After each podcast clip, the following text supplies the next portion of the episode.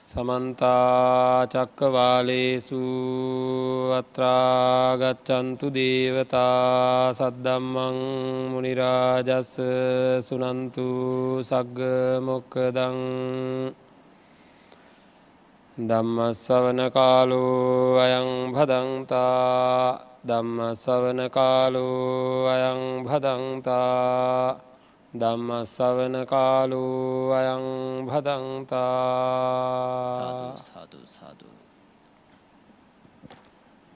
නමුතස් භගවතු අරහතු සම්මා සම්බුද්ධස්ස නමුතස්ස භගවතු අරහතු සම්මා සම්බුද්ධස්ස නමෝතස්ස භගවතු අරහතු සම්මා සම්බුද්ධස සාධ සාධ සාධ ඉදකෝ පනේවෝ චුන්ද සල්ලේකෝ කරණීයෝ පරේවිහිංසකා භවිස්සන්ති මයාමෙත්ත අවිහිංසකා භවිස්සාමීති සල්ලේකෝ කරණීයෝ පරේපානාතිපාතිී භවිස්සති මයා මෙත්ත පානාතිපාතා පටිවිරතා භවිස්සාමීති සල්ලේකෝ කරණීයෝති. සද්ධබුද්ධි සම්පන්න පින්නත්න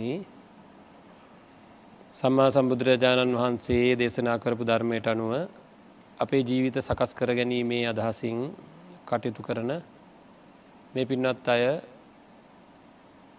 තමන්ගේ ජීවිතයට ධර්මය එකතු කර ගැනීමට ගැනීමේ පරම අභිලාසයෙන් තමයි ධර්මය ශ්‍රවණය කරන්නේ. අපි මහපරනිරාණ සූත්‍රය ආශ්‍රයෙන් ධර්මය දේශනා කරද්දී අවසාන වසයෙන් කතා වුණා. බුදුරජාණන් වහන්සේගේ පශ්චිම අවවාදය අවසාන අවවාදය අපමාදයන සම්පාදීත කෙනාකාරයට තමන්ගේ සිතේ කුසලයන් වර්ධනය කර ගැනීමයි කියලා. තින් ඊට පස්සේ අපි මේ සල්ලේක සූත්‍රාශ්‍රයෙන් ධර්මය දේශනා ධර්මය විග්‍රහ කර ගන්නකොට දැනගත්තා දැන් දින කීපයක් තිස්සේ පංචුපාදානස්කන්දේ අතාභූත ස්වරූපය අවබෝධ කර ගැනීමෙන් සියලු දෘෂ්ටි අයින් කරගන්න පුළුවන්. ඒක විතරමයි ක්‍රමය කියලත්. ප්‍රථම අධ්‍යානාදිය ආදී නේව සංඥා නාසංඥායතනය දක්වාම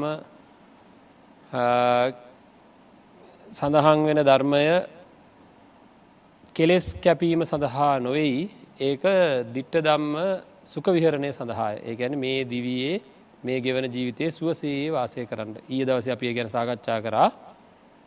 කයෙන් වෙහෙසක් නැතුව මනසිං වෙහෙසක් නැතුව සුවසේ කෙනෙකුට ජීවත්වෙන්ඩ පුළුවන්කමක් තියෙනවා. ප්‍රථමධ්‍යානය දන් ඒව සංඥානා සංඥායතනය දක්වාම යමක් වර්ධනය කරගන්න කෙනෙකුට. මානසික තත්ත්වය වර්ධනය කරගන්න කෙනෙකුට. නමුත් ඒ එකක්වත් බුදුරජාණන් වහන්සේ දේශනා කරනවා ඒ එකක්වත් සල්ලේකයක් නෙවෙයි කියලා කෙලෙස් කැපීමක් නෙවෙයි කියලා අපි ඒ පිළිබඳ ඊය දවස සාකච්ඡා කර.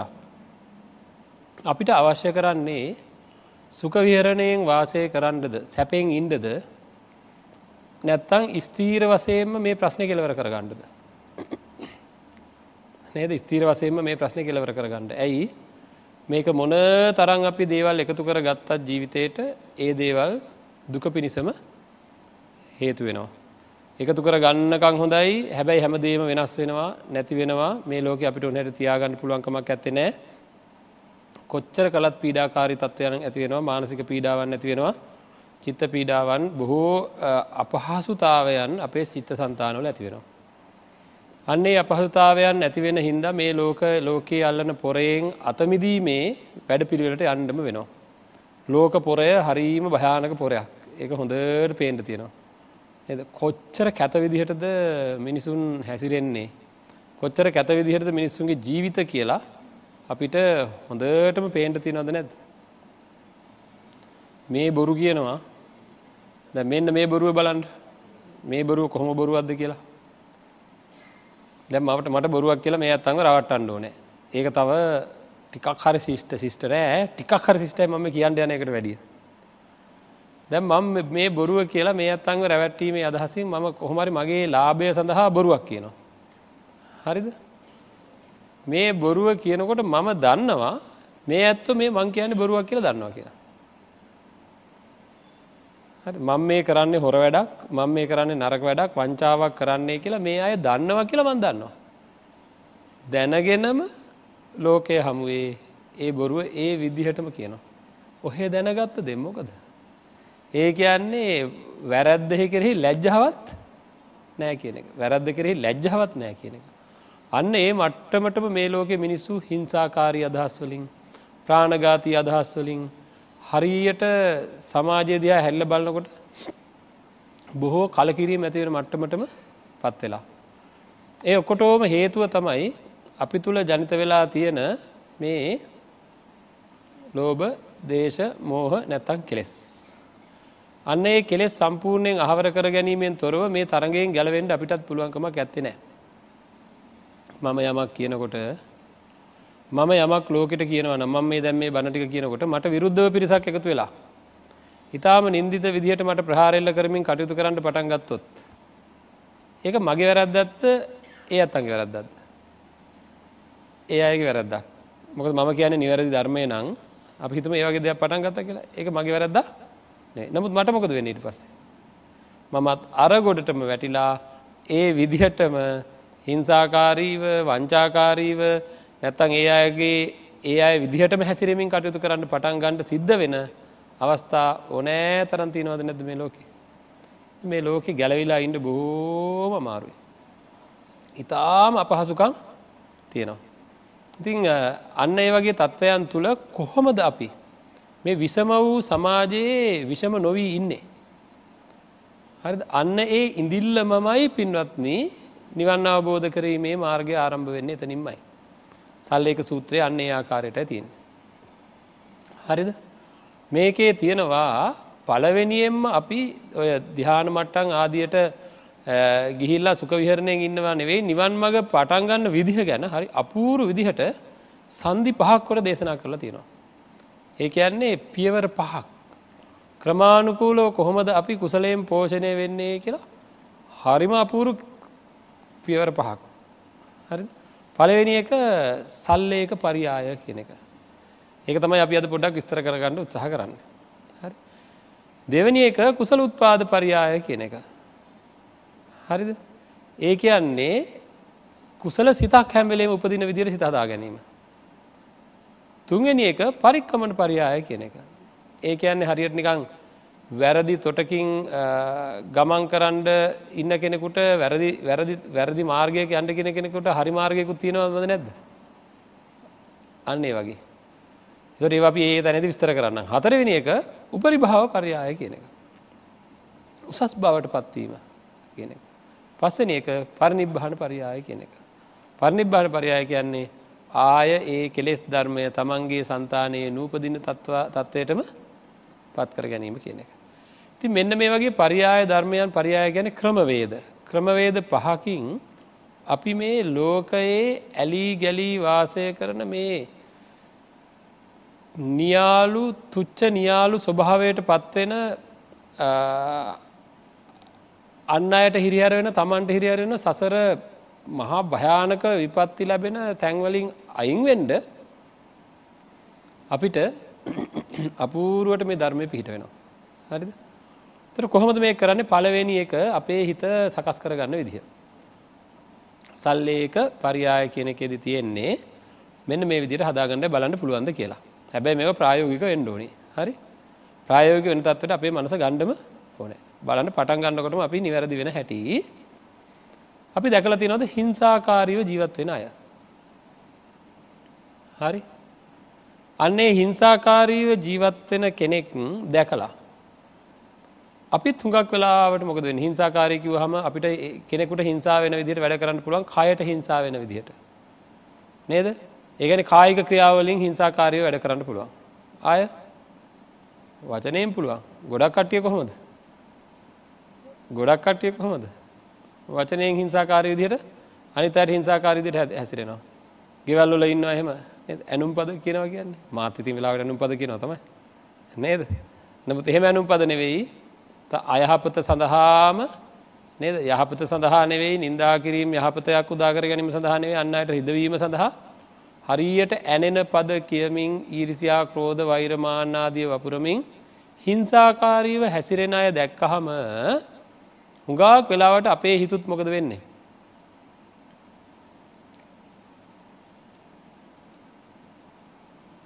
ගැහුවොත් ගහනවා බයිනොත් බයිනවා කියන තැන අපි හුඟක් වෙලාවටින්නවා නේද එහෙම කොහොමද? එහෙම කියලා වංකොහොමද එහෙම එහෙම බෑ. ඔය කට්ටියත් එක්ක ඔහොම ඉඳලා හරියන්න නේද? නපුරු විදිහට මින්ඩෝ නෑ කියලා තමන්ගේ ඇතුලාන්තය එහා පැත්තෙන් එක වචනයක් කියනකොට මේ පැත්තෙන් තව නේද?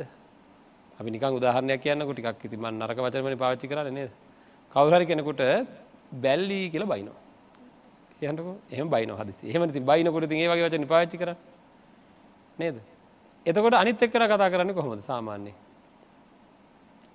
හරි විදිහට නම් කතා කරන්න ඕනේ. මට බැල්ලි කියලා කියන්න තරම් මම මොනවද මට බල්ලා කියලා කියන තරම් මම මොන හරි බලු වැඩක් කරලා තියෙනවද කියන්න ඔයාලට මොන හරි වැරදීමක් ඇති. එහෙමනේ කතා කරලා බලන්න ඕනේ ඉස්සෙල්ලා නේද? හැබැයි කොහොමද ප්‍රතිචාරය? මට බැල්ලි කියන්න නැත්තම් මට බල්ලා කියන්න නුඹ කවුද? බැල්ලි නේද? නුඹ කවුද බල්ලා කියලා අනිත් පැත්තට ඒ විදිහටම නේද? ඒ විදිහටම අනිත් පැත්තට යන ගතියක් තමයි තියෙන්නේ. අන්න ඒ තත්ත්වයට පත් නොවී ඉන්ඩ අධිෂ්ඨානයක් ගණ්ඩ ඕනේ. හරිද? එක තමයි පළවෙනි ක්‍රමේ ඇ මේක හරි ගැඹුරු සංකල්පයක්. තේරනත් මම කියන්න හදනකට මේක ගැඹුරත්තිනවා කියලා? ඒක මහා ඒකට බොහෝම ලොකු ඉව සීමක් ඕන වෙනවා. හරිද? මේක බුදුරජාණන් වහන්සේ සඳහන් කරන්නේ පරේ විහිංසකා භවිස්සන්ති මයාමෙත්ත අවිහිංසකා භවිස්සාමීති කියලා සල්ලේක කරණීයෝ. පරේ විහිංසකා භවිස්සන්ති අන් අය හිංසාකාරී ලෙස හැසිරෙද්දි. කොහොමද ඒ කෙලෙස් මං අයින් කරගන්නේ අන්නයෝ සත්ව හිංසා කරන්නෝ වන්නාහ අනිත් අය හිංසාකාරීව හැසිරිද්දී අපි වනාහි මෙහි හිංසා නොකරන් නොකරවාසය කරන්නෝ එමු කියලා මම කිසිම විදිහකින් අනිත් ඔක්කෝමල හිංසාකාරීය කටයුතු කරද්දී මම හිංසා නොකරවාසය කරනවා කියලා දැඩි අධිෂ්ඨානයෙන් කටයුතු කරන්න ඕනෑ. හරි. කොහොමද කොහොමද අමාරුද නැද්ද? අමාරුද නැද්ද? ඒ වැඩි අමාරුයි. ඔන්න පටන්ගන්න විදිහ. දැ මෙතන බලන්ඩ අවිහිංසා සංකල්පය නෙවෙයි තියෙන්නේ. ඊළඟ පරියාය තමයි අවිහිංසා සිතුවිල්ල. මෙතන තියෙන ඊට මෙහා තියෙන එකක්. අනිත් අය හිංසාකාරීව කටයුතු කරලා නොයෙකුත් ලාභ ප්‍රයෝජන ලබාගන්න නෙ මං මෙහෙමහන්න බැන්න කෙනාට බැන්නහම අපිට ඇතිවෙන්න මොකක්ද හිතේ කාට හරි බැනල අපිට මොනොද හම්බෙන්නේ හොඳට කල්පනා කළ බල කියන්න බල අද හැන්දෑවේ මම මේටික කියන්නම ඉන්න. මට කියනකන් නිවනක් නෑ. මට ඔයිටික කියලා බයිනකන් නිවනක් නෑ. එහනම් මං ඉන්න රත්වවී. එනම් බැන්නට පසේ මං කොහොමද? බැන්නට පසම සන්තෝසින් ඉන්න. හොඳට කිව්වා දැන්හරි එනම් මං අනිත්තයට බයින්න මොකටද? සතුට වෙන්ඩ අනිත් අයට ගහන්න මොකටද? සතුට වෙන්ඩ නේද? ගෙදෙට්ටාව පත් අය මරන්න මොකටද? සතුට වෙන්ඩ ඇයි? දැම් භීෂණය ඉවරයි. නේද? සතා මරලා දැම්ම භීෂණය ඉවරයි සතුට වෙන්ඩ සතුටු යාට එයාගේ කොටස රැකගත්ත කියලා. මේ ලෝකයේ අල්ලගත්ත කොටස අපි හපාගෙන ඉන්න කෑල්ලා. හරි කට්ටිය අල් හපාගෙන ඉන්න. හරි අහුවෙච්ච හරි හපාගෙන දරුව හපාගෙන ගෙවල් හපාගෙන වාහන හපාගෙන එක එකවා අනද තදින් හපාගෙන ඉන්නේ. ආගේ හැපිච්ච කෑල්ල හපාගත්ත කෑල්ල පරිසංකරගත්තා කියලා සතුටු ඔය ඔක්කෝම කපටි මගඩි වැඩ ඔක්කෝම කරන්න හපාගත්ත කෑල්ල ආරක්ෂා කරගන්න. ඔවුද නැද්ද? නේද? ඒක එහෙමම තමයි. අන්න ඒක හින්දා බොහෝ වැරදි කරනවා අපි ඇති මේ විදිහට සල්ලේක කරනකොට මේ විදිහට කෙස් අයිංගන විදිර තමන්ගේ අධිෂ්ඨානයක් ඇතිකර ගන්නකොට අපේ පින්නත්න අපිට බොහෝ දෙවල් අතහරින්න වෙනවා. හරි එතට පළවෙනි කාරණාව අන් අය හිංසාකාරීව හැසිරෙද්දී මම හිංසාකාරී වෙන්න නෑ කියලා ශාන්තව වාසය කරන අධිෂ්ඨානය යුත්තුව කෙරෙස්වලට ඉඩ දෙන්නේ නැතුව තමන් ශාන්ත වෙන්න ඕනෑ. බලන්න ප්‍රායෝගික කරන්න. කොහොමහරි කරන්න. හරිද? ඊළඟට ඒක විතරන්න වේ අනිත් අය ප්‍රාණගාතය ඇතිව වාසය කරන්න ඕ වෙලා තියෙනවා. හරි බොහෝ දෙනා ප්‍රාණගාත කරමින් වාසය කරනවා? නෑ මම එහෙම කරන්නේ නෑ. මම ඒ මම ප්‍රාණගාත ඉඩ තියන්නේ නෑ. අනිත් අය ලේසියෙන්ම හැම සතෙක්ම මරලා කටයුතු කරන මදුරුව මරලා සුවසේ ඉන්නවා. ස්ප්‍රේ ගෙනල්ලා මස්සන්ට ගහලා සුවසේ ඉන්නවා. අරවා මේවා කරලා එවිදියට ඉන්නවා. ඉතින් මම එහෙම කරන්නේ නෑ. මට පුළුවන් මැස්සුවෙන් නැති විදියට මගේ පරිසරය සකස් කරගන්න. මට පුළුව මදුරුවෙන් නැති විදිට මගේ පරිසරය සකස් කරන්න. කට හිනා වෙන ඇතකොට අයිවර ස්ප්‍රේර ගෙනල ගහදාන්නක කියලා. හැබැයි අපේ අපායන්ට ලෑස්තිනකොට නේද? මැරණ මොහොතයනකොට බේරගණ්ඩ එන කාටක්වත් බෑ. එහෙනම් සල්ලේක කරගණ්ඩ කියනවා පරේ පානාතිපාතා භවිස්සති. පරේ පානාතිපාතිී භවිස්සති. මයාමෙත්ත පානාතිපාතා පටිවිරතෝ භවිස්සාමීති. මම ප්‍රාණගාතයෙන් වෙන් වෙලා වාසය කරනවා. අනිත් අය මෙහෙම කෙරුවාට මම ඒවයින් අයින් අනිත් අය සත්ව ඝාතන කරාට මම එහෙම කරන්නේ නෑ කියලා. දැඟුන් ඊළඟට නො හොඳම එකක්. මිනිස්සු මේ ලෝකයේ හොරකං කරන්නේ ඇයි? හොරකං කරන්නේ ඇයි? ලේසියෙන් ජීවත්වෙන්ටද නැද්ද? හොරකං කරන්නේ ලේසියෙන් ජීවත්වෙන්ට බලන්ඩ පින්නත්න ලංකාවේ සිද්ධ වෙන හොරකන්ටික අයින් කරන්න ලංකාව දියුණු කරන්න තරඟ අමාරුද? ඇත්තම ඇත්ත කතා කරොත් එහෙම. මේකේ සිද්ධ වෙන උඩයිනම් පල්ලෙහා දක්වා සිද්ධ වෙන හොරකන්ටික අයින් කරා නම් මේක නයටික ගෙවන්ට ඒතරම් අමාරු වෙන්නේ නෑ. නේද? එතකොට මොන විලි ලැජ්ජහ නැති වැඩක්ද මේ? පන්සිල් පද පහ මූලික කරගත්ත ශාසනයක් තියෙන ලෝකයේ රටක් තමයි ලංකාව. වැඩියෙන්ම වැඩියෙන්ම හොරකං කරන රට ලංකාව. වැඩියම පොඩි එක්කෙනගේ දන් ලොකු එක්කෙන දක්වාම නේද? වැඩිපුර තැන්වල තියෙන්නේ හොර මගඩි කුපාඩි කියන්ට වචන නැති තරම් දේවල් තියෙන්නේ.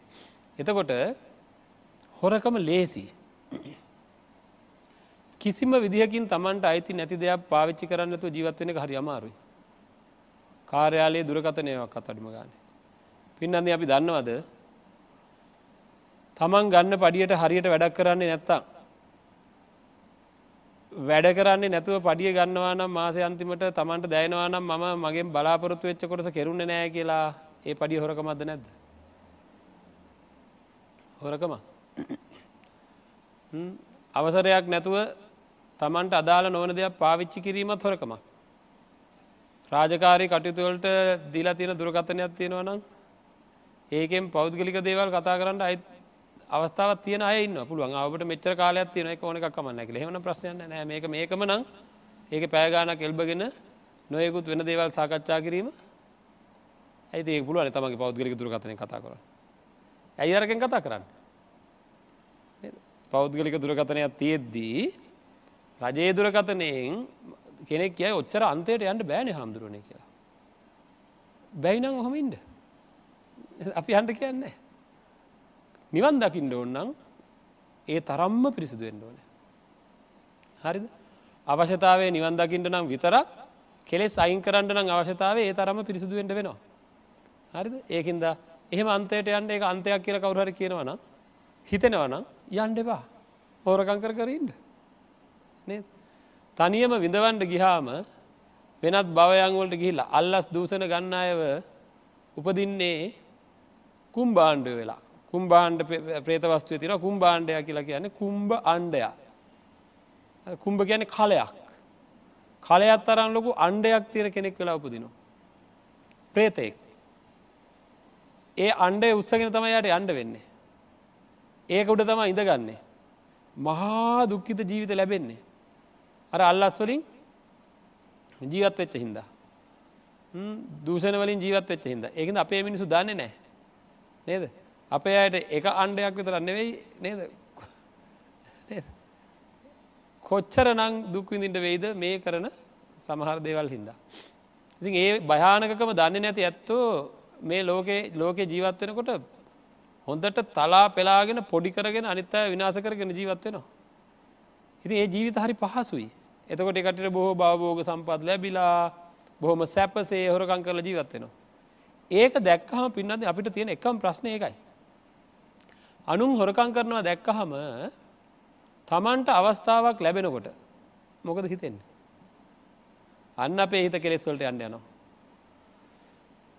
මහ මුහදේ වතුර ටිකක් ගත්තට ඉතින් මොකද ආයෝක මහ මුහදර දයනවාය නේද? හැබැයි ගෙවන්ට ගියාම මහ මුදක් තරන් ගෙවන්ඩ වෙනවා බාල්දියක සේවෙතත්.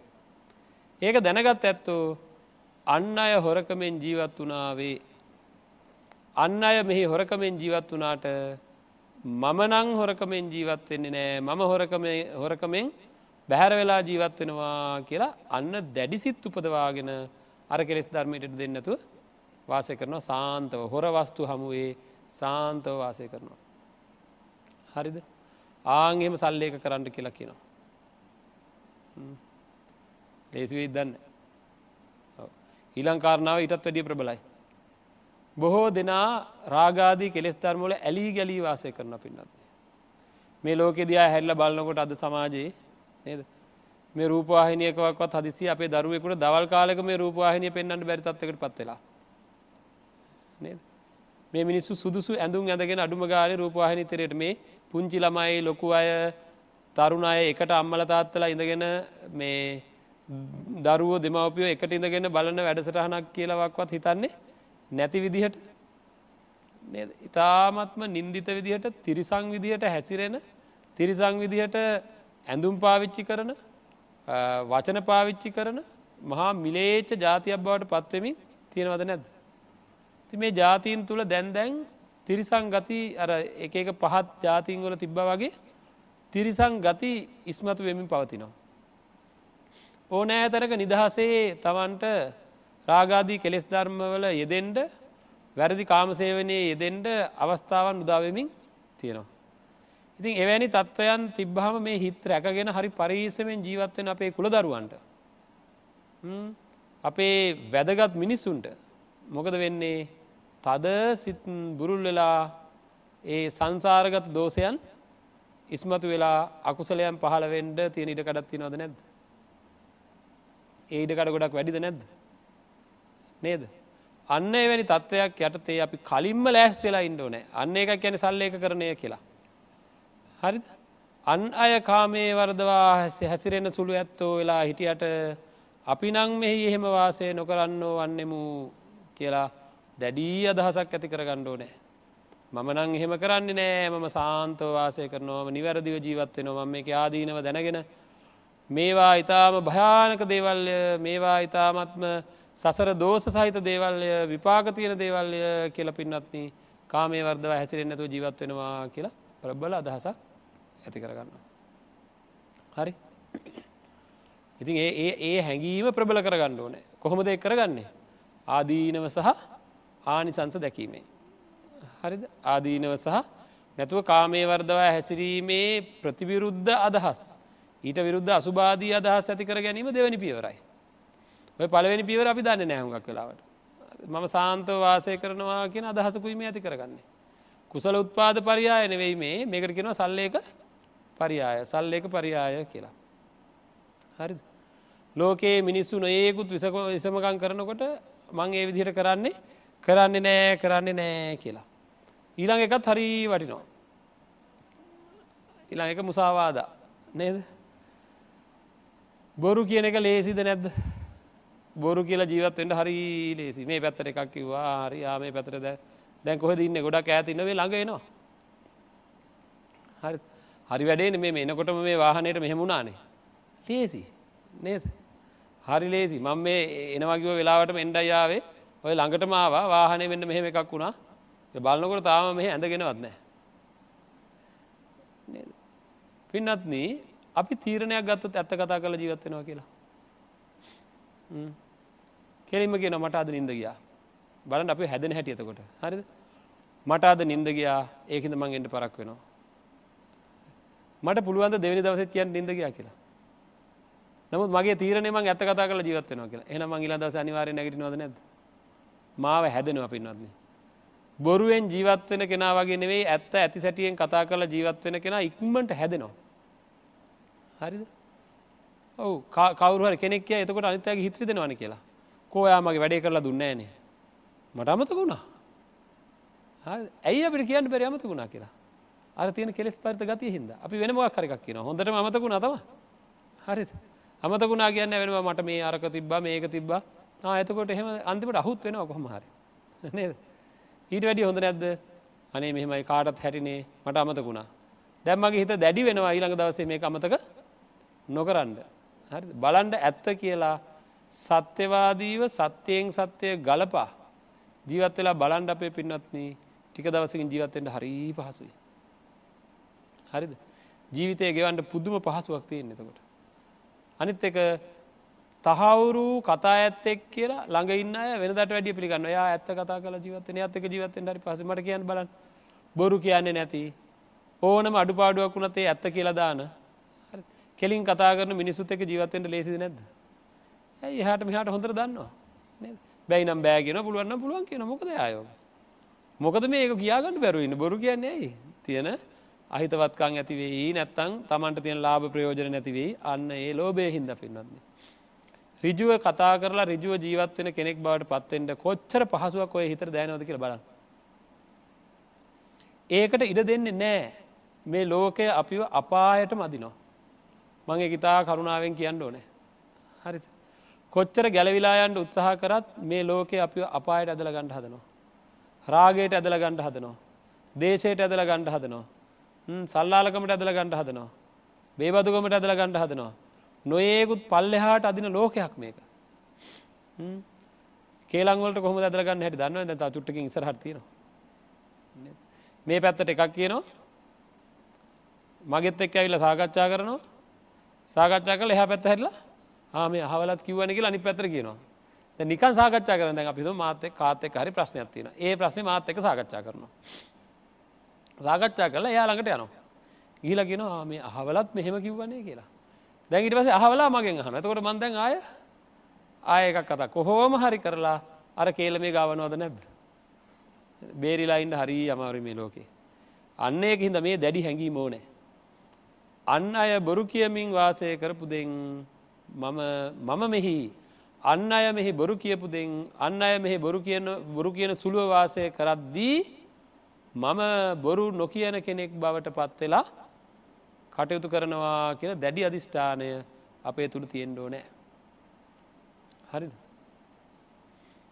මේ අපේ ජීවිතයට එකතු කර ගණ්ඩෝ නෑ බලන්න බුදුරජාණන් වහන්සේ වටකුරු කරලා අපි හදන හැටිවන බලන්නඩ හරි හැම පැත්තකින්ම වටකුරු කරලා හිමීන් අපිව අපායෙන් ගලවන හැටිමේ ඇද ක්‍රමාණුකුළුව කෙනෙක් හිත මේ හරි මේ පොඩි දේවල් කියලා.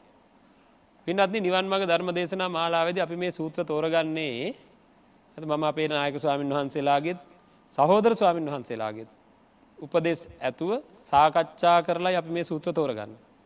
හරිද? මොකද අපේ ජීවිතයට ප්‍රායෝගිකව කළ හැකි දෙයක් කතා කරන්න මෝනෑ එතකොට නිවන් දකින්න මග අරබන්ඩ සල්ලේක සූත්‍රයද මෙ මේ විදිහට ඇතියන්නේ කෙනෙකුට හිතේ මේ හරි සරලයි. මේවා නෙවෙයි කතා කරන්න අපේ හාමුදුරනේ පංචුපාදානස්කන්ද අනිත්‍යය ගන්න හරිතින් පෙරේද කතා කර? නේද? ගැඹුරෙන් ගැඹුරෙන් කතා කරය අපි.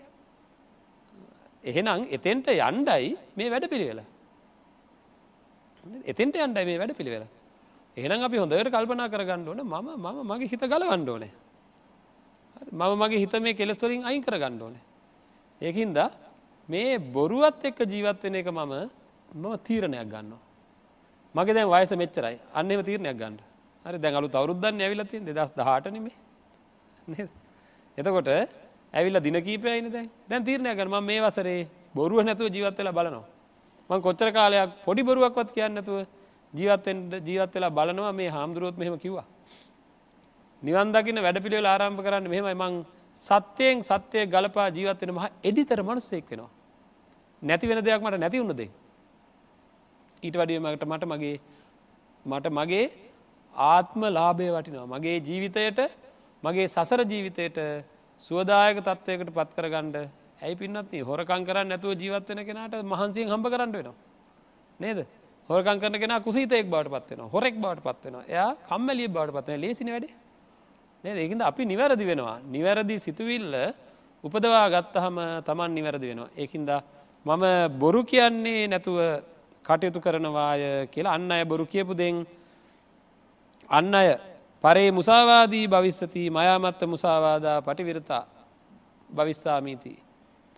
අනිත් අය බොරු කියන අය වන්න ඔය මම අපි වන්නාහු මෙහි බොරු කියන්න නැතුව වාසය කරන බොරු කියන්නතුව මන් ජීවත් වෙන බොරු කියන්නතුව ජීවත් වෙනවා කියලා ඒ අධිෂ්ඨානය ශක්තියෙන් බොරුවෙන් වැල කියලා දීමයි පළවෙනි ක්‍රමවේදය. ඊළඟට පිසුනාවාචා කියන්නේ කියලා. නේද? කේලං කියන එකේදී ඕක අපි අප්‍රකටවම මේ වැඩේ කරලා දානවා. හුඟාකයි කේලං කියන හරි අලි අලුත් ක්‍රමයක් තියෙනවා දැන් මම අහලා තිනවා හරියට ඇහෙන ක්‍රමයක් තියෙනවා පොදු ක්‍රමයක් කේලං කියන. ඒ කියන්නේ දැනගෙනම කියන්නේ ඒක හරිම භයානක ක්‍රමයක්. ඒ කට්ටිය කේලම කියන්නේ ඉතලා කියනවා ඒක. මේ මම මේ කේලමකට එහෙම කියනවා නෙවෙයි. මම මේ කේලමකට එහෙම කියනවා නෙවෙයි කියලා කේලමම කියනවා. නේද? හැම වෙලේම බලන්ඩ මම කියන වචනය හින්දා තව කෙනෙක් තව කෙනෙකින් බිඳනවද කියලා. හරිද මේ බිඳීම කියන එක හරී අපරාධයක්. හරිද අපි පින්නත්න අපි මේ ලෝකයේ ජීවත් වෙනකොට දෙන්නෙක් දෙන්නෙක් අතර විශ්වාසවන්ත දෙන්නෙක් අතර බිඳීමක් ඇතිවුණා මේ කට්ටිය හරියට විඳෝනවා. ඒක බිඳිච්ච හින්දා වැරදි අවබෝධ ඇතිවෙච්ච හින්දා වේදනා විඳලති නොද නැද්ද. අපි බොහෝම විශ්වාසයෙන් ඉන්න අය නද? බලාපොරොත්තුවෙන් ඉන්න ඉන්නවනේ. නේද? මට මම මේ විදිහට මගෙත් එක ජීවත්වයි කියලා. එහෙම බලාපොරොත්තු වෙච්චායට හරියටම හරියටම තිතටම අල්ල දෙන ඔය බිඳෝන කට්ටිය හරිම දක්සයි නේද? හරියටම පොයින්ට එකටම දෙනවා වචනේ. හරියටම තිතටම බිඳෙන්ට දෙනවා. අය කිසි කතාවන්න මෙන්න මෙහෙම කිව්වා කියලා. හරිද? නැන්දම්මවයි මහත්තයාවයි බිඳවන්ඩ හරියට කූට උපක්‍රම නැතුව නෙවේ ඒවගේම තමයි විවාහයෝල බිඳවන්ඩ අම්මගෙත් කූට උපක්‍රම නැතුව හරියටම හරියටම තිතටම දෙනවා පාර. ඔයා දන්නවද ඔයා නැති වෙලාව මෙන්න මෙහෙමයි මෙයාගේ වැඩ. මෙයා එක දිකට රේඩියක දාගෙන ඉන්නේ මෙයා එක දිකට නිදියනවා ඉන්න වෙලාවට තමයි කාර්යක්ෂම වැඩ කරන්නේ දෙනවා පාර දෙනවා කිසි කතාවන්න. හැබැයි භාවනත් කරනවා.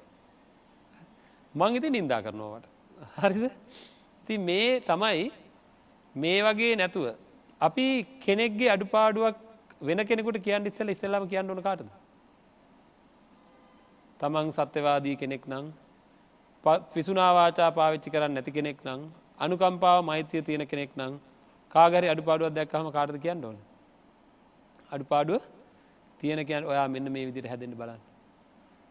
ඔයාට කවදහරි දවසක ඔයාගේ ළඟින්ම ඉන්නයි නැතිවේ නැත්තා ඔයා ඇයි මේ වගේ වංචාකාරයව ඉන්න තැනක එක විදිහකුටයි තවත් තැනක තව දෙකුටයි කතා කරන්න. මං අම්මෙක් වගෙන මේ කියන්නේ.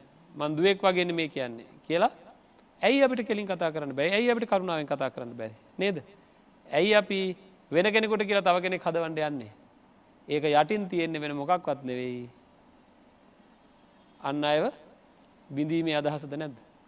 එහෙනම් මේ ලෝකයේ අනිත් අය අනිත් අය බිඳෙන විදිහට කටා කතා කරමින් කටයුතු කරපුවා දෙන් මම නං එහෙම කරන්නේ නෑ. අපි නං එහෙම කරන්න ඇතුව වාසය කරන මම කවදදාක්වත් පිසුනාවාචා භාවිතා කරන්න නෑ කියල සල්ලේක කරන්න කියලා කියෙන බුදුරජාන් වන්ස අයින්ෙන්ට කියන්න මේ හැමකිම හරිද?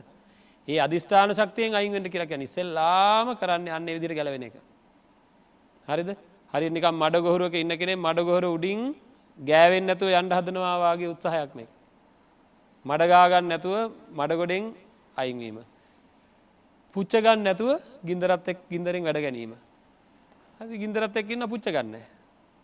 හරි ගිලෙන්නේ නැතුව වතුරෙන් වැඩ ගැනීම. ඒ වගේ මේ ලෝකෙ ඇලි ගැලී වැටෙන්නේ නැතුව හිමීන් සැරේ මේ ලෝකෙන් බැහැර වෙලා සාන්ත වාසය කරන්න කියලා මේ කියන්නේ පිසුනාවාචා. ඊළඟට පරේ පරුසාවාචා භවිස්සති මයාමෙත්ත පරුසාවාචාය පටිවිරතා භවිස්සාමීති. ඔන්න අනිත් එක. මේකට නම් අපූරු කාටුන් එකක් වගේ කතාවත් තියෙන මගේ හිතේ. ඒවා හොඳ ඒ වගේ තියන එක. ඒවා එකත් තියාගත්තම අපිට ලේසි. මේ මෙහෙම මතක තියාගන්නට කමන්න. අපිත් පාවිච්චි කරන ක්‍රමවේද නේද.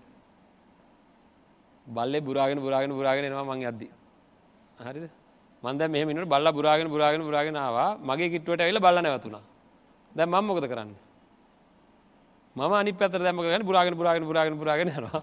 අරයට දුවනවා. හරි. ඊට පස්සේ ආය බල්ල මොකද කරන්නේ? මම මේ පැත්ත දුන බල්ල මේ පැත්තට පුරාගෙන පුරාගෙනවා ඊට පස්සේ චුට්ටක මම බව බව බව බව ගාලා පුරාගෙන පුරාගෙන යනවා. ඔන්නම ලක්ෂණයක් අපි ළඟ තියෙනවා කියලා දන්නවද? හොඳට හිතන්න. කවුරු හරි මට පරුස වචනයක් කියපු ගමන් මම මොකද කරන්න? කවුරු හරි මට පරුස වචනයක් කියපු ගම මම මොකද කරන්නේ? අනි පැත්තට? අනි පැත්තට පරුස වචනයක් කියනවනම් කවුරු වගේද? එහ පැත්තෙන් බව බව බව ගාල පරුස වචන පරුස වචන ගොඩා කියන පොකුරක් කියනවා. හරි ඒක ඉවර වෙනකොට මේ පැත්තෙන් මොකද? ඒ වගේ බව බව බව බව කියලා පරුස වචන නේද? පොකුරක් කියනවා. ඊට පස්සේ එහා පැත්තෙන් පරුස වචන පොකුරක් කියනවා. මේ පැත්තෙන් කියනවා. කවුරු වගේ දරියන්නේ මං අර කිව්ව කාටුන් එක වගේද නැද්ද? බලන්න ඒ කාටුන් චරිත රඟපානවද කියලා සමාජයේදී මම නේද? ආං එහෙම නොවෙන්ඩෝ නෑ මේ ලෝකයේ මිනිස්සු තමන්ගේ ලාභය සඳහා කෙලෙස් සඳහා කෙලෙස් ක්‍රියාත්ම කිරීම සඳහා ඇලී ගැලී වාසය කිරීම සඳහා පරිසවචන පාවිච්චි කරනවා. මේ ලෝකයේ මිනිස්සු පරිසවචන පාවිච්චි කරද්දී මම නං එසේ නොකරන සුළු කෙනෙක් වන්නාහ කියලා අධිෂ්ඨාන ශක්තියෙන් එක නවත්ත ගණ්ඩ කියලා කියනවා. දැගෙන අද ඉදන් කරන්න වැඩ තියෙනවා. හොඳයි මේ අවුරු දිස්සෙල්ලාම හම්බෙන පාඩම. නේද?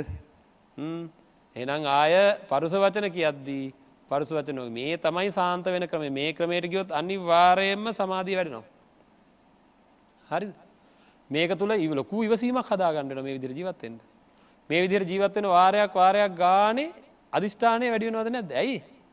නේද? තමන්ට ශාන්ත ඉන්ඩ පුල ලෝකේ කැරකෙද්දි ලෝකයේ හෙල්ලෙද්දි ශාන්ත ඉන්ඩ පුලන් ශක්තියයි මේ හැදෙන්නේ. හරිද? නේද? ලේසි කියල හිතන්නේ. මේක පුහුණු කරන්න ඕනේ. කායික අභ්‍යාස කරනවාගේ කායවර්ධනය කරන්න බලාපොරොත්තු වෙන අය කායික අභ්‍යාස කරනවාගේ නද? කයින් ලොකු වැඩ කරන්නඩින මේ මස් පිඩුවම හදාගන්නඩ එකටිය නොයෙකුත් අභ්‍යාස කරනවා. ඒ වගේ මනසින් නොසැලී ඉන්ඩ උත්සාහ කරන අය මානසික අභ්‍යාස කරන්න ඕනේ. මේ මානසික අභ්‍යාසය කාර්යාලි දිත් කරන්න පුළුවන්. වාහනය දිත් කරන්න පුළුවන්. නිවසේ දිත් කරන්න පුළුවන්. නේද? ජීවත්වෙන හැම නිමේශයකම තමන් මේ අධිෂ්ඨාන ශක්තිය වට්ටගන්න නැතුව කිසිම විදිහකින් මම පරුස වෙන්නේ නැතුව ඉන්නවා කියලා. ඒ ගත්ත අධිෂ්ඨානය දවසින් දවස දවසින් දවස වර්ධනය කර ගැනීමෙන් ඒ තැනත්තාට සුවසේ ජීවත්වෙන්ට පුළුවන්කම ලැබෙනවා මානසික ශක්තිය වර්ධනය වෙනවා. ඒකට අවශ්‍ය කරන. තිය නං බුදුරජාණන් වහන්සේ අපිට ඔන්න ඔය විදිහටයි සල්ලේක කරණය කරගණ්ඩ කියලා දේශනා කරේ මේක මේක හිත මුදවාගන්න ක්‍රමවේදය කියල මම කිව්වා. මේ වගේ හතලි සතරක් තියෙන අපිට සාකච්ඡා කරන්න. හතලිස් හතරක් අපි අතින් වෙන වැරදි. මනසින් වෙන වැරදි හතලිස් හතරක් ඔය පලවෙනි සන්දිය කියලක ඔන්න සල්ලේක පරියාය. හොද ඉට පස්ස පරස අපි මතක තියාගන්න විදිම කියන්න ඉට පස හිමින් සරේ ඒ හතලි සතරම අපි මතක තියාගමු හොදයි. ඉළඟට පරුසාවාචා වලින් පස්සේ සම්ප්‍රප්පලාපා ඒක කොමොත්තන්නෑ අයිෙන් උත්සාහ කරන්න අනිත් අය සම්ප්‍රප් මේක තමයි හරී අමාරුයි. සම්ප්‍රප්පලාපා කියන තැනේදී මොනවද කියලා තේරුම් ගන්න මංට කල්ලුත් මතක් කරලා තියෙනවා නමුත් මේ වෙලාවේ සල්ලේක කරනය ගැන කතා කරන හිද අපිට පුළුවන් වෙන්ඩෝන ආය මතක් කරගන්න. තමන්ගේ ගෙදර ඉන්න දුවෙක්කින්නවා. මෙයා වැඩෑරි ලැවිල්ලා කාර්යාලය වෙච්ච මොකක් හරි ලොකු ගැටලුවක්. අම්මට කියන්න පටන් ගන්න අම මෙහ මුණනේ බලන්ඩක අද මෙන්න මෙහෙමයි මෙහෙමයි මෙහෙමයි මෙහෙමයි කියලා විස්තරේ. අම්ම වහා මෙතනින් අයින්ෙන්ට ඕනද? නැත්තං අම්ම සම්ප්‍රප්පලාපවලට වැටනවද? මොකද කියන්න?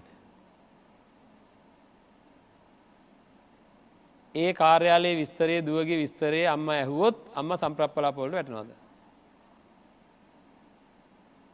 අපි එහෙමන අම්ම කියන මේ ඔය ඔයාගේ වැඩ බලාගණ්ඩ මාව සම්ප්‍රප්පලාවලට දාන්ටෙන්ට එපා මන් සල්ලේක කරනයෙන් ජීවත් වෙන්නේ ඔයා ඉන්ඩ පැත්තකට වෙලා මාවල්ට අල්ලන්ටෙන්ට එපා ඔයාගේ වැඩ ඔයා බලාගන්නට කිව්වොත් මේ දරුවට මොනවගේ හැඟීමකයිද. බුදු හාමුදුරුව ගැනත් අසද්ධාවක් උපදිනවද නැද්ද. බුදුරජාණන් වහන්සේ මට මගේ අම්මව නැති කරා. සංඝයා වහන්සේ මට මගේ අම්මව නැති කරා. මට මගේ ප්‍රශ්නය කියලා විසඳගණ්ඩ කෙනෙක් නෑ. ඒකද ධර්මය? එච්චර කුහකද මේ ධර්මය? කියලා අර දරුවාට තියෙන සද්ධාව නැතිවෙන්න තිනට ගඩ තියෙනවද නැද නේද? එහෙමද වෙන්ඩ ඕනේ. නෑ ඇතින් දැි බලන්ඩෝන මොකක්ද සිද්ධිය දිහා නෙවෙයි චේතනාව දිහයි බලන්ඩෝන අම්මා මේ දරුවාගේ ප්‍රශ්නය අහන්ඩෝ නෑ. අහන්ඩෝන කුමන චේතනාවකින්ද. මේක අහලා එයාට ධර්මානුකූලව සිත සකස් කර ගැනීමේ මාර්ගයක් කියල දෙන්නඩෝ නෑ එයාගේ හිත සකස් කරන්නඩෝ නෑ එයාට නිවැරදි ජීවත්තෙන්ට කියලා දෙන්නඩෝ නෑ ප්‍රශ්නවලදී නොසැලී ඉන්න විදිහ කියලා දෙන්න නම් මගේ ප්‍රශ්න අහන්ඩෝ නෑ කියන චේතනාවෙන් අම්ම අය ප්‍රශ්නය අහලා ආදරයෙන් සලකණ්ඩෝන. හැබැයි මේ අම්ම මේ ප්‍රශ්නයහන මෙහෙමනවා කියන්නකො කියන්නකො බලන්ට කියලා අර විස්තර දැන ගැනීමේ නිකං අර ඕපදූපය හෙවීමේ රසවින්දනය කිරීමේ අදහසින්නම් අම්ම අපදූපයට වැටනවා. හරි එන මොකක් දෙතන බලන්නන කාතෙක් හරි කතා කරනවන මොකක්ද බලන්නඩෝන. මන්දැන් හැමෝටම කියනවා සම්ප්‍රප්ලාප කතා කරන්න එපා කියලා. කවුරරනවා මාව හම්බෙන්ට විහරස්ථානයට. ආපු ගමන් මේ ළමේ ළමෙක් තරුණ ළමෙකාව කියන්නක ආපු ගම මං අදිහ බල්ලා ඒකායනු අයම් භික්කවේ මක් ගෝ සත්තානං විසුද්ධයා සෝක පරිද්ධවානන් සමතික්මය කියලා සතිපට්ටානය දේශනා කරන්න ගත්තොත් මේ ළමය ආවට වැඩි වේගෙන් යනවද නැද්ද එනම් මොකද කරන්න ඕන නේද ඉස්සෙල්ලාක් ගම කොහෙද? ගෙවල් දොරවල් කොහොමද? ඒ වගේ කොහොමද තොරතුරු කියලා විස්තර අහන්ඩෝනේ මොනවද කර රැකියාව ජීවිත තොරතුර මොනවද කියලා. ඔන්න ටික හන්නකට කවර ලඟි කෙනෙක් යන ආන් කෙනෙක් යන්න අපිට උපද පහන්ඩ පග අන්න ළමයක උපදුපටි කොක්කොම ආනවා කියලා. නෑ චේතනාවයි එතන වටින නේද? මගේ ළඟ තියෙන් ඕන චේතනාමකක්ද ඉස්සෙල්ල මම මේ දරුවත් එක හිතවත් වෙන්න ඕනෑ. හොඳින් හිතවත් වෙලා ඊට පස්සේ නේද? ඊට පස්සේ අපි ඒ ඒ අවශ්‍ය කරන ධර්මය සාකච්ඡා කරන්න ඕනේ ඉති ඒක එතකොට ඕපදූපට වැටෙන්නේ නෑ ඒහින්දා ඕපදූප කියන්නේ මොනවද. තමන්ටත් වැඩක් නැති අනුන්ටත් වැඩක් නැති දෙපාර්ශයටම වැඩක් නැති ලෝබදේශමෝහ වැඩි වෙන කෙලෙස් ධර්මයන් වැඩි වෙන යම් කිසි පැත්තකට වෙලා ඔහේ කරන එහා ගෙතර මොකද වනේ මෙහා ගෙතර මොකද වනේ අර පැත්තෙන් පැන්නද මේ පැත්තෙන් පැන්න දන්න නති මං කියන්න ඔන්නෑ පවුල්වල විස්තර හොය ඔය රසවිඳීම. අනුන්ගේ විස්තර හොය රසවිඳීම. හරිද ආං ඒවා නවත්වා දාණ්ඩෝ නෑ. එකතු වෙනවා ඉඳ ගන්නවා ඉතින් ටක ටක ටක ටකට ගිරවුත් කෑගහන. එ ගිරවුත් එකතු වෙන තැනක කිචි පිචි කිචි පිචි කිචි පිචි කාර කෑගහන. රිලවුත් එකතු වෙන තැන්වල කෑගහනවා. නේද කොහොමත් සත්තු එකතු වෙන තැන්වල හරියට එහෙම කියලා නවත්තන්නම් නේද? කොහොමත් සත්තු එකතු වෙන තැන්ගොල හරියට සද්දේ. නේද? එහෙම හොඳ නැත් දෙහෙම කියර නවත්තනය කොහොමත් සත්තු එකතු වෙන තැන්ගොල හරියට සද්දේ. නේද? එහෙම බලන්ඩ ඒ මොකද උද්දාමයට පත්වෙනවා බල්ලො ටිකක් එකතු නම් උද්දාමයට පත්වෙනවා ඇතන ඉතින් කෑගහ ගන්නවා. හරියට සද්ද බද්ධ මේ ලෝක තියෙන දේවලින් උද්දාමයට පත් වෙලා රූප ශබ්ද ගන්ධරස ස්පර්ශ ගැන කියව කියව දඟලන ගතියෙන් අපි අයින්ෙන්ඩ ඕනෑ. දැක්ක දේවල් අහපු දේවල් විඳපු දේවල් කියන එක්කෙනෙක් එක කතාවක් කියලා ඉවර කරනකං අනි දෙන්නෙ බලාගන්න යාගේ එයාගේ කතාව ලැස්ති කරගෙන. ඔය වට මේ කතාව දන්නවන කොමද කියරනේද එකන එකක් කියනවා කියනකොට දෙන්නෙ කට උල් කරගෙන ඉන්න. පොටගෙන පොටගෙන මං කියන්න මං කියන මං කියලා ඉන්න ඉස්සල කියලා ඊළඟට පටගන්න හද ඊලා එකන පට බලාගෙන ඊළං කතාව පටන්ගන්න ඒ ඒ කියන්න තමන්ගේ අත්දැකීම. හැ තමන් ලැබිච්ච දෙ මේවා ප්‍රයෝජන සඳහා නෙවෙයි කෙලෙස් වැඩි කර ගැනීම සඳහා. ති ඒකද දැන් ඇති. දැන් අවුරුදු කීයක් මේක කරාද අන් අය මෙහෙම කතා කරපු දෙෙන් අපි නම් මෙහෙම මම නම් මේ විදිහට කටයුතු කරන්නේ නෑ කියල ඒවයින් අයින් වෙන්ඩෝනෑ. ඒ අධිෂ්ඨානයෙන් අයින් වෙන්ඩෝනෑ. ආං එක තමයි පලවෙනි පරියාය ධර්මය. එහිද කාරණ හතලි සතරම කොමත් කතා කරමු නේද. හතලි සතරම කොච්චර වටිනවද කියලා අපිට තේරෙයි සාකච්ඡා කරද්දී ඒක හින්දා අද දවසට අපිට කතා කරන්න පුළුවන් වෙන්නේ මෙච්චරයි. ති මේටික අපේ ජීවිතයට එකතු කරගන්න සම්ප්‍රප්පලාපා දක්වා කතා කරා පානාතිපාතා ඉදන් සම්ප්‍රප්පලාපා දක්වා කතා කරා හැබැයි ඉස්සෙල්ලාම කතා කරා අවිහිංසාව ගැන. හරිද එතර අටක් කතා කරා දරන මතක තියාගන්න ලෙසි ප්‍රාණතිපාතා වේරමණය අදින්නාදාන කාමිසු මිච්චාචාර මුසාවාද පිසුනාවාචා පරුසාවාචා සම්ප්‍රප්පලාපා කියෙන් ටිකෙන් අයින් වෙනවා කියලා අධිෂ්ඨාන ගණ්ටිකව පලවෙනීම තිබ්බා අවිහිංසාව ගැන එතොට අටක් කතා කර. ඉතින් මේ විදිහට මේවා මතකතියාගෙන දැඩි අධිෂ්ඨාන ශක්තියකින් නිවන්දකීමේ වැඩ පිළිවෙල ආරම්භ කරන්න ඕනෑ. ඒ සඳහා මමත් පිළිපන් කෙනෙක් බවට පත්වෙනවා කියෙන අධිෂ්ඨානය ප්‍රාර්ථනාව ඇති කරගණ්ඩ නිවසේ ඉඳලා ධර්මය ශ්‍රවණය කරපු මේ හැම දෙනාටම මේ ධර්මය ශ්‍රවණය කරන්නට අවශ්‍ය කරන ධර්මදායකත්වය ලබා දුන්නේ මේ මැදිරිය වාසය කරන පින්වන්ත පිරිසයි. ති මේ අයවෙනුවෙන් අපි ප්‍රාර්ථනා කරමු අධිෂ්ඨාන කරමු. ඔබ අප හැම දෙනාම තුළ ජනතුනාව සිලූම පුුණ ශක්තිය මේ පින්වන්ත පිරිසට හේතු වෙලා උතුම් ධර්ම අවබෝධය සඳහා මේ සියලු පින්කම හේතුවේවා කියල ප්‍රාර්ථනා කරමු. ආකා සට්ටා චුම්මට්ටා දේවානාගා මහිද්දිකා පුഞ්ඥන්තන් අනමෝදිත්වා චිරංරක්කං තුසාසනං චිරංරක්කං තු දේශනං චිරංරක්කං තුමං පරංතිී